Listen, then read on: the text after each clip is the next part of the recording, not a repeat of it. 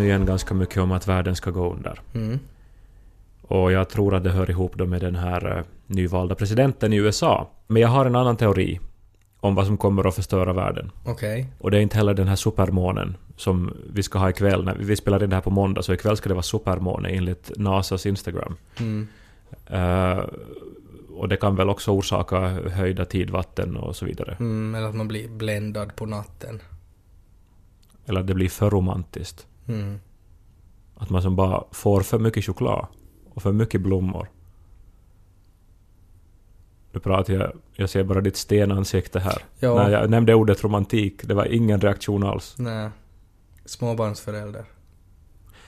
Precis. Men eh, det är inte heller supermånen som kommer att förinta världen, utan det här, jag vet inte, är det en trend eller vad, vad är det som händer? Men överallt nu, eh, i snödrivor, ovanför överfulla roskisar, i vår trappuppgång, så hittar jag såna här röda plastmuggar.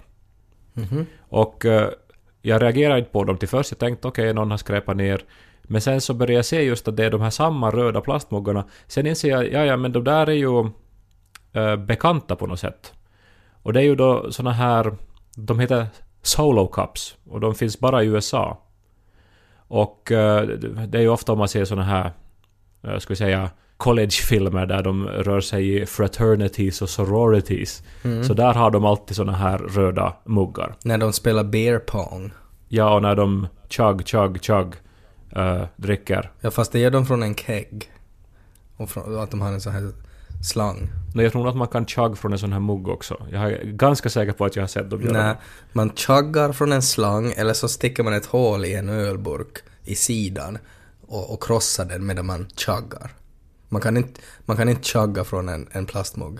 Sa Mr Party himself. Mm. Mr College.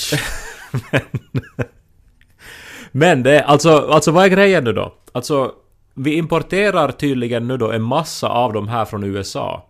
För att jag har hittat de här nu då på den här Amerikahyllan. Man får köpa de här muggarna. Mm. Och eh, det är väl säkert roligt, men de är åtta gånger dyrare än vanliga plastmuggar. Men jag har, sett, Ungefär. jag har sett de där muggarna också i butikerna och alltid tänkt sådär att ja, jag skulle kunna köpa dem där ja. Nej men, då har du ju fel i huvudet. Det är ju en helt vanlig plastmugg som är bara åtta gånger dyrare än andra Nej men plastmuggar. det, alltså de har ju lyckats med någonting. Alltså, eftersom när jag ser dem så får jag lust att köpa dem. Så det är ju någon, det är ju någon form av marknadsföring som har liksom bitit i mig då. No, men det är det här... Jag vet inte liksom, jag ordnar ju inte collegefester. Eh, och- eller, eller spelar beer pong. Men jag tänker att det skulle säkert vara bra att ha just de där muggarna. Det är fortfarande helt vanliga plastmuggar. Bara ja, men de, är, lite dyra. större, de är lite större och lite tjockare och från USA. Men om man har... Alltså, i och för sig, jag måste säga att jag lyfter på hatten om någon faktiskt har lyckats branda en plastmugg så att eh, folk vill ha den. Men jag tror att det är någonting jag missar, ja. Alltså, någon sorts uh, YouTube-trend eller Nej men någonting. alltså, är det inte alltså, om, om du tänker på plastmuggsutbudet som finns i de finländska affärerna. Det är ju ofta sådana här små, riktigt dåliga. Antingen är de gjorda av papper och går sönder när man häller GT i dem. Eller så är det sådana där riktigt, riktigt små sådana här saftmuggar. Som är ungefär 20 centiliter. Att det finns inte riktigt, det enda som finns är liksom plaststop. Och då är det kanske för mycket. Att det, det där är liksom en storlek som behövs, som inte riktigt finns i någon annan. Blir det så att liksom sen då när den här unga generationen, för jag tror inte att det är vår generation som köper de här, men eh, är det här liksom då om 40 år, när eh, de här 17-åringarna då är 57, om, om 50 år, när de är 67 och pensionärer, Ja. fast de kanske inte har fått gå i pension då ännu, men whatever, när de är gamla, När de är 87 ja, så är det här då... och det- går i laserpension. Är det här då deras finporslin, börjar jag tänka också? Att det är som... För vet ingen idag köper ju såna här kinesiska koppar med kuldkanter som man inte får diska i Så att, diskmaskinen. att när liksom...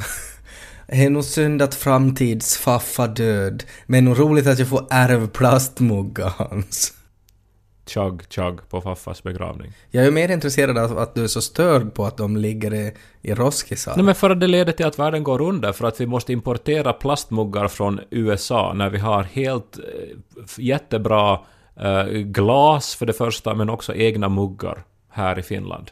Och att eh, det är den här hysterisk kapitalistiska idiotin som Men du kommer vet att ju inte vem förstöra som världen. har använt, du, vet, du kan ju inte säga att, att det är så onödigt att vi använder det där när vi har så fina glas. Det kan ju hända att det är människor som inte har haft tillgång till andra glas som har haft dem där.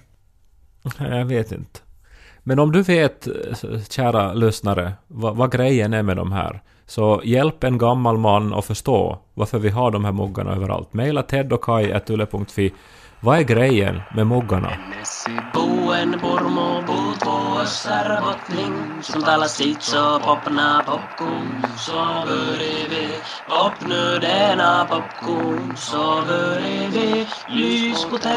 Kai Det vi ju kan, måste direkt prata om nu då är ju, eh, nå delvis är, är, det ju det att eh, jag är i Vasa ännu, Kai är i Helsingfors för tillfället.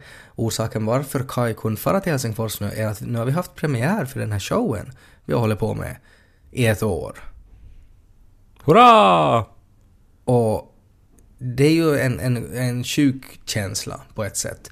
Någonting som man har hållit på med och jobbat sådär intensivt sådär länge. Eh, och så är det den här viktigaste stunden. Det de viktigaste stunderna på något sätt. Som man har sett fram emot så länge. Och nu är det över. Det är ju det här argumentet det här att om man i en debatt eh, tar fram att någonting är som Hitler, al- alltså att man börjar jämföra med Hitler, så då har man förlorat. Och att det är liksom den mest uh, uttjatade uh, jämförelsen som aldrig heller riktigt stämmer och som inte riktigt funkar. Mm. eh, för att den är så over the top.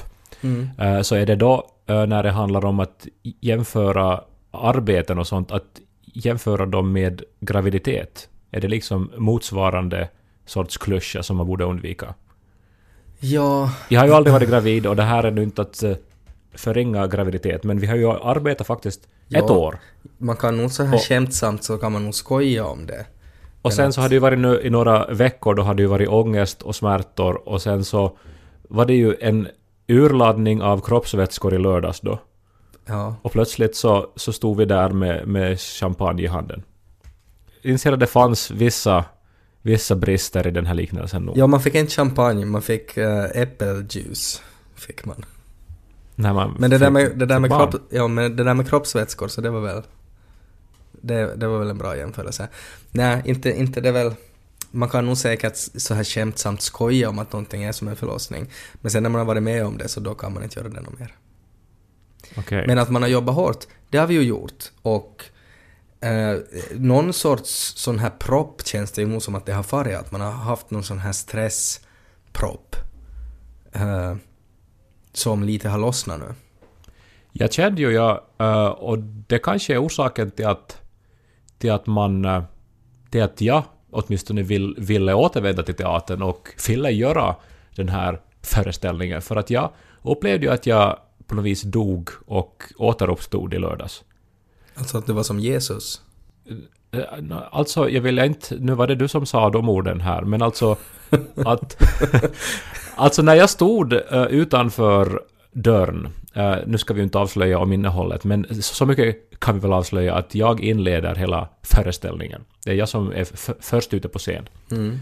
Och när jag stod och väntade på att gå in Mm. och hörde då den här, alltså då inför allting har vi en sån här röst som, som uppmanar alla att stänga av sina eh, mobiler och så, och så vidare.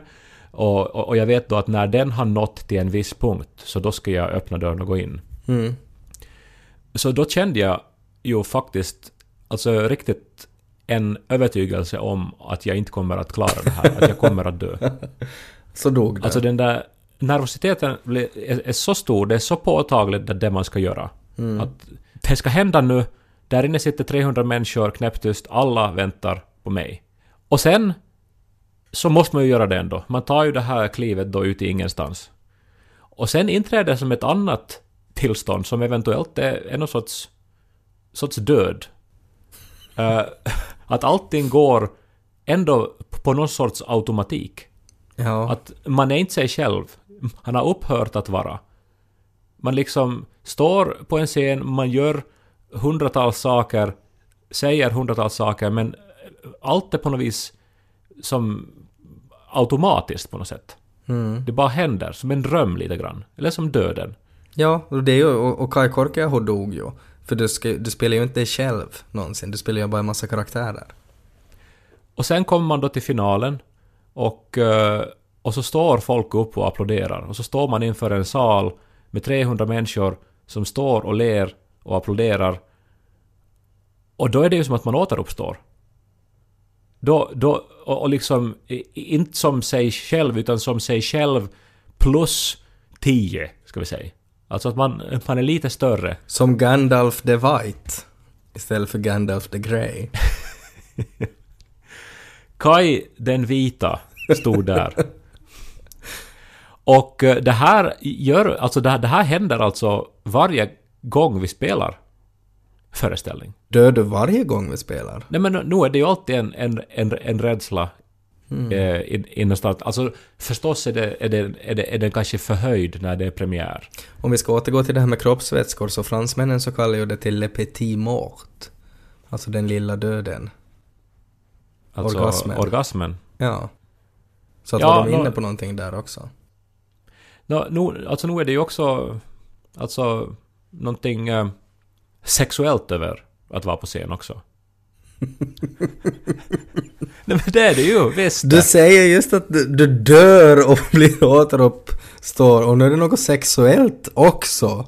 Nej men alltså, alltså att vara på liksom, vet du, tyrkad, eh, helt i fokus, vara liksom åtråvärd under den stund man står där.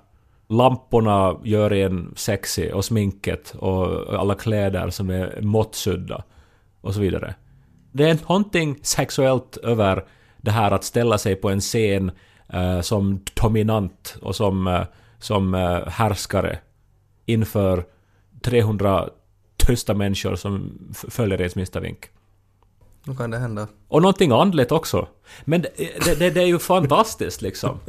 Och, och, och, och det är ju klart att man är helt... Efteråt är man helt omtumlad. Jag har tänkt mycket på Leonard Cohen också. Frid över hans vackra minne. Jag blev jätteledsen över att han dog. Och jag förstår inte varför så många just nu ska dö. En vecka är det Lars Hultén, nästa vecka så är det Leonard Cohen. Och så har det varit Prince och David Bowie. Och jag vet inte hur många som har dött. Men folk bara dör. Bra folk dör. Och det, det är ju jättesorgligt. Men hans eh, kanske mest kända låt, Halleluja, den känner du väl till Ted?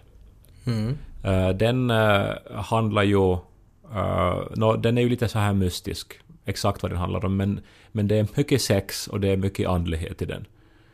Jag tror att i livet så är det liksom många såna här jättekomplicerade och vackra känslor som man upplever i vissa ögonblick som är liksom omöjliga att egentligen beskriva. Och då måste vi som ta till saker som vi kan relatera till. Att vi börjar prata om, om, om eh, sex och vi börjar prata om Spirituellt samlag. de största och viktigaste och mest sublima upplevelserna vi har i livet så är egentligen omöjliga att beskriva med ord. Men kanske kom Leonard Cohen nära då när han börjar blanda ihop andlighet och sex och musik i låten Halleluja. Den kanske bättre än någonting annat då beskriver hur det känns att ha en premiär inför 300 människor.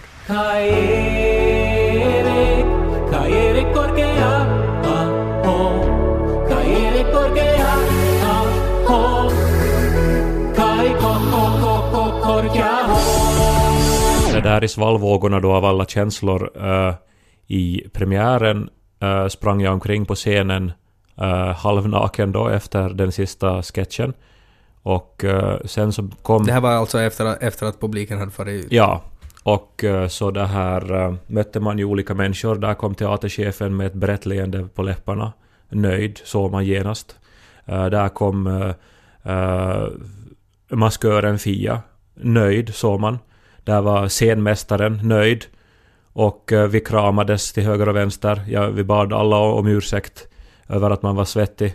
Och eh, till sist så hade jag kramat alla i rummet. Utom du. Ja, men vi kramas ju inte vi. Men nu hade vi ju eh, fått en, son kan man säga. Skulle inte vi inte ens då? Nej men vi Nu gör ju... kändes det lite tomt. Jag gick iväg lite snopen där nog. Men, Att, jag menar, du kramar ju till och med någon sån här assistent som du knappt visste vad hen hette. vad? var det för Men du assistent? kramar ju allihopa. Ja. Men Inte mig. Nej. Och då hade ju just stått... Men för att jag visste hur svettig du var. Jag menar, det var ju alla andra och du var lika svettig. Ja. Det var också strax innan premiären så var ju jag så här GD då. Heter det så? Vad heter det? Uppspelt. GD. Och eh, så brukar man ju göra så här att man samlas i en ring och är så här hu, hu, hu, hu, och sen kör man. Och jag stod liksom där då eh, med en halv, alltså jag bildade en halv cirkel då minuten innan, innan vi skulle börja då. Och vänta på att du skulle fylla upp den här cirkeln. Ja, men jag har alltid varit dålig på sånt där, ja. Alltså du måste ju gå med i något fotbollslag eller någonting. Jag, jag, jag, jag liksom... Jag, det, jag vet inte vad det är, alltså för jag har alltid sådär att jag har svårt med sån här flockmentalitet också. Och det där är det ju som ett exempel flocken på var ju det. jag alltså. Ja, ja. Jag, det var du och jag. Men så I det där där som det rummet. förväntas vara liksom, att nu ska vi så här, nu ska vi peppa varandra och, och göra sådär. Och jag, jag, jag, jag får alltid lust att inte göra det och det spelar ingen roll liksom fast det bara är en annan person. Jag- Det här är ju ett sånt där beteende som förväntas fast man ska vara tio pers, så ska man göra det. Och det gick ju bra i alla fall. Så jag menar, nu går det ju att, att överleva utan att så att säga samlas inför och önska varandra lycka till och allt gott och så här. Men det sa vi ju nog, att ha kul, tror jag vi sa. Ja, för det var för svårt att säga något så här att jag tänker på dig och jag vill att, att, att du ska veta det och att det kommer att gå bra, tror jag. Jag vill inte att du ska tänka på mig, jag vill att du ska tänka på dina repliker. Men det kan ju inte komma som en överraskning, det här. I det här skedet. Nej, men om det är tio människor eh, i ett rum och du kramar nio av dem Ja, och den tionde är dessutom den som, som, som är lika nöjd som du och glad som du. Mest liksom berörd. Bra jobbat kompis. vi kan börja med en high five eller något då nästa föreställning. Vad skulle vi kunna ha Alltså vad skulle du vara bekväm med? Är det just en high five eller, eller skulle du Nej, men kan alltså, inte skulle bara så här titta på varandra och vara sådär... Varför måste det vara något? Vi vet ju båda två. Båda två vet ju. Vi vet ju precis. Om, om det går skit så vet vi det. Om det går bra så vet vi det.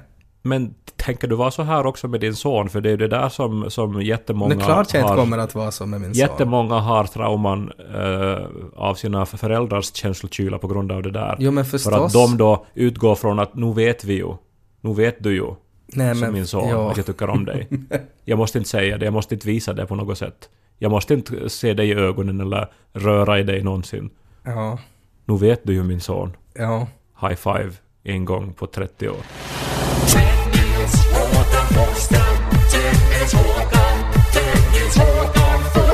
Du är väl inte jättevan att bli recenserad i tidningarna? Nu har det ju hänt några gånger. Mm, jo, men inte skulle jag säga att jag är van att bli recenserad. Inte kan jag säga att jag är van med det heller, men det har nu hänt ändå fler gånger för mig än för dig kanske. Mm. Eh, Med olika saker. Men nu hade vi en premiär, båda två. Och det var ju bara vi på scen. Och sen recenserades showen. Och så recenserades vi. Och vi har fått godkänt. Ja, det har vi fått. Klart godkänt. Mycket beröm. Fyra av fem gav uh, Österbottens Tidning. Mm. Det är väl ganska bra. Eh, I ens egen värld har man ju velat skapa någonting perfekt. Mm. Så då blir man ju eh, förstås lite besviken och arg då när någon menar att det inte var perfekt. Mm. Och eh, samtidigt så vet man ju att det är någons subjektiva åsikt. Eh, där fanns 300 människor i salen, alla hade sin egen subjektiva åsikt. Eh, och om ens någon där upplevde att det var perfekt, så då är man ju... Då borde man ju vara nöjd. Så är det. Men eh, det här jagandet efter perfektion är ju också det som kanske gör människan olycklig. Eh, du har ju varit ganska olycklig under den här processen ibland när du har jobbat jättehårt och jättemånga timmar med eh, olika detaljer som måste stämma exakt. Och, och, och, och sen har du varit olycklig ända tills det då har blivit perfekt. Och då har du blivit lycklig. Och det är ju jättejobbigt. Det är ju, skulle vara jätteskönt att, om man inte skulle bry sig lika mycket. Um, att man skulle vara sådär att ja, nej men nu, nu, nu, det är inte bra men att det får vara sådär. Men det ska liksom kräva jättemycket innan jag blir så. Att det ska vara, det, det, det ska vara eh, mycket som skiter sig på alla plan innan jag kan konstatera att okej, okay, att nu är situationen så illa att nu måste vi faktiskt låta det här vara sämre än vad det skulle kunna vara. Men det finns ju någonting trösterikt också i att kunna släppa taget sen. Och jag tror det där har att göra med att bli äldre också kanske. Att man... Men alltså släppa taget på vilket sätt? Att eh, inte vara så besatt vid perfektion eller vid, vid jättebra recensioner eller vid, vid succé eller vid, ja, Men sådana jag, saker. jag har ju det väldigt så här specifikt alltså med vilka saker jag applicerar den strävan efter perfektion på. Ehm, att det, det är väldigt få saker som jag, som jag kan haka upp mig så mycket på att, att, att nu, det här måste bli perfekt. Eh, och att ju mer jag är involverad i någonting så desto starkare blir det. Men att jag har in, inga problem liksom att, att om jag är som en del av ett team eh, så kan jag lätt vara sådär att ja men att nu, jag gör mitt bästa och, och det får vara helt okej. Men att, att ju mindre människor man är på något sätt, att om det är bara jag som är helt ansvarig för någonting, eller till exempel du och jag, så då är jag väldigt så här benägen till att vara, och, och, nej, men då måste det vara perfekt. För att då, är det, då kan man inte liksom skylla på någon. Förstås, ja. Men det är ju också, jag menar du, du har ju en liten son och så här, du skulle säkert vilja vara en, en bra far och så det här har man sitt jobb och man vill säkert göra ett bra jobb alltid och det, det är som en ständig... Uh, alltså om man är perfektionistiskt lagd så är det ju som ändå en ständig, ständig kamp mellan, mellan uh, ångest och stress. Mm. Men då kommer Leonard Cohen in. Men han dog ju.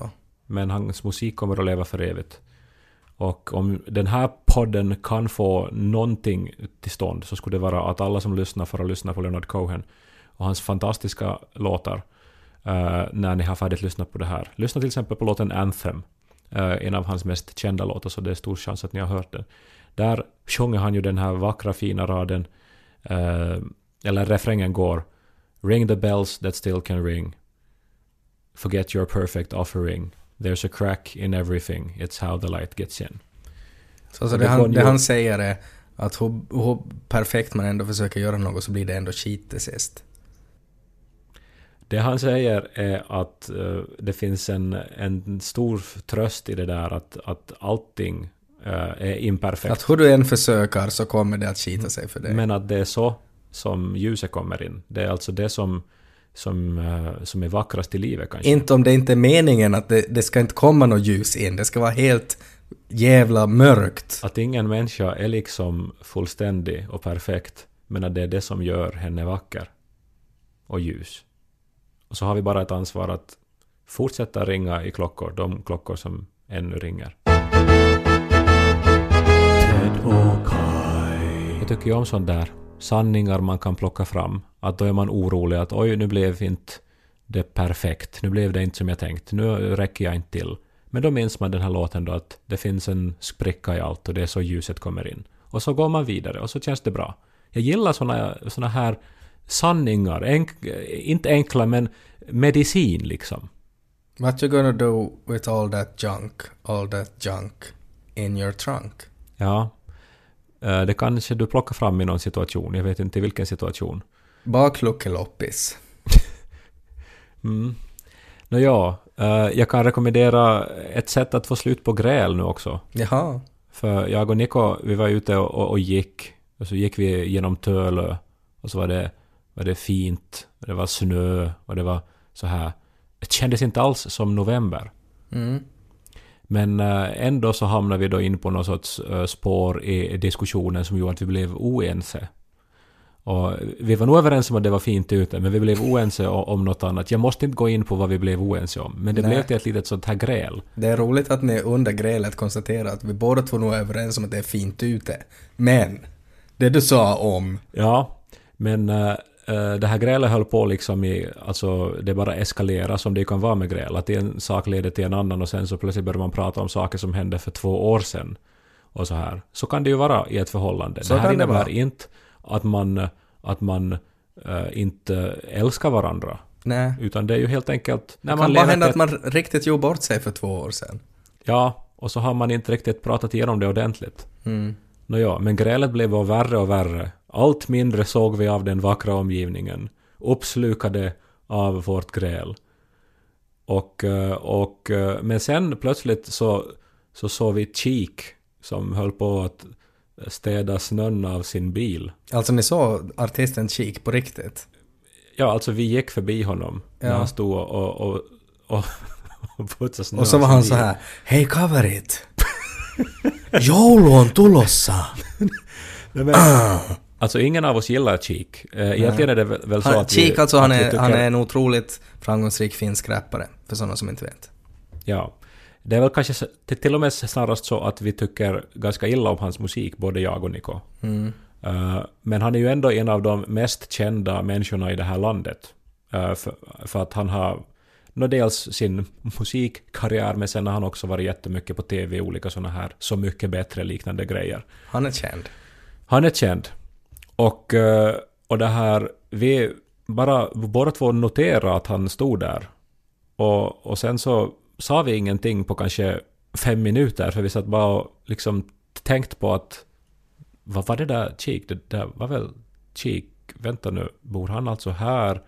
Eh, och liksom vilken stor bil och vad jobbigt, vad mycket snö det var på den. Men ändå, han är som han och han måste ändå... Vi, vi, alltså, vi, tankarna uh, vandrar iväg. Mm.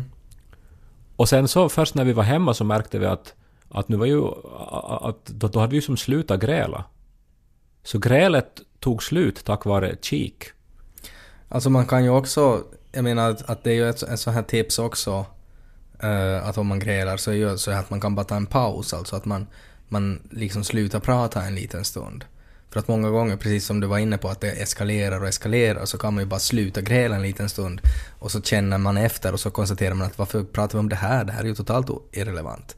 Så att det behöver ju inte vara en, en finsk rapartist. Nej men grejen är ju just det att för sådana som jag, som när jag eh, blir passionerad över någonting, så går de här tankarna så liksom eh, starkt runt och djupt ner i mig att det är omöjligt att bara så här ta en paus och som få bort dem. De är ändå där och gör att jag inte kan tänka, de förmörkar allting och gör att jag inte kan tänka på någonting annat. Om inte jag till exempel då eh, stöter på kik plötsligt från, från, från, från ingenstans. För då liksom overridas allt det annat. För att det var så oväntat. Har den här situationen ändrat er syn på Cheek nu då, och hans musik och livsverk? Nå, på ett sätt så, så räddar ju han eh, Kårdakvällen. Men kommer ni att använda det här nästa gång ni börjar gräla nu då? Och så går en av er bara snabbt på YouTube och startar upp någon låt av honom? Det som jag tänkte var att det, det kanske borde vara, eller eventuellt är det här liksom en, ett nytt eh, tv-programsformat. Alltså att man eh, tar par som har det svårt och som grälar och sen eh, så ordnar man då så att de, medan de grälar då så ska Cheek dyka upp med sin bil och putsa snö. Och så fixar man deras relation. Var det viktigt det att han putsade snö av bilen?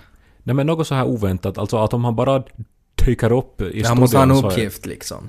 Ja. Mm. Eh, Så att liksom det här skulle vara på något vis ett sån här, vet du, vi räddar relationen. Mo- Motsatsen till cheaters, vet du. Cheekers. Där var det då.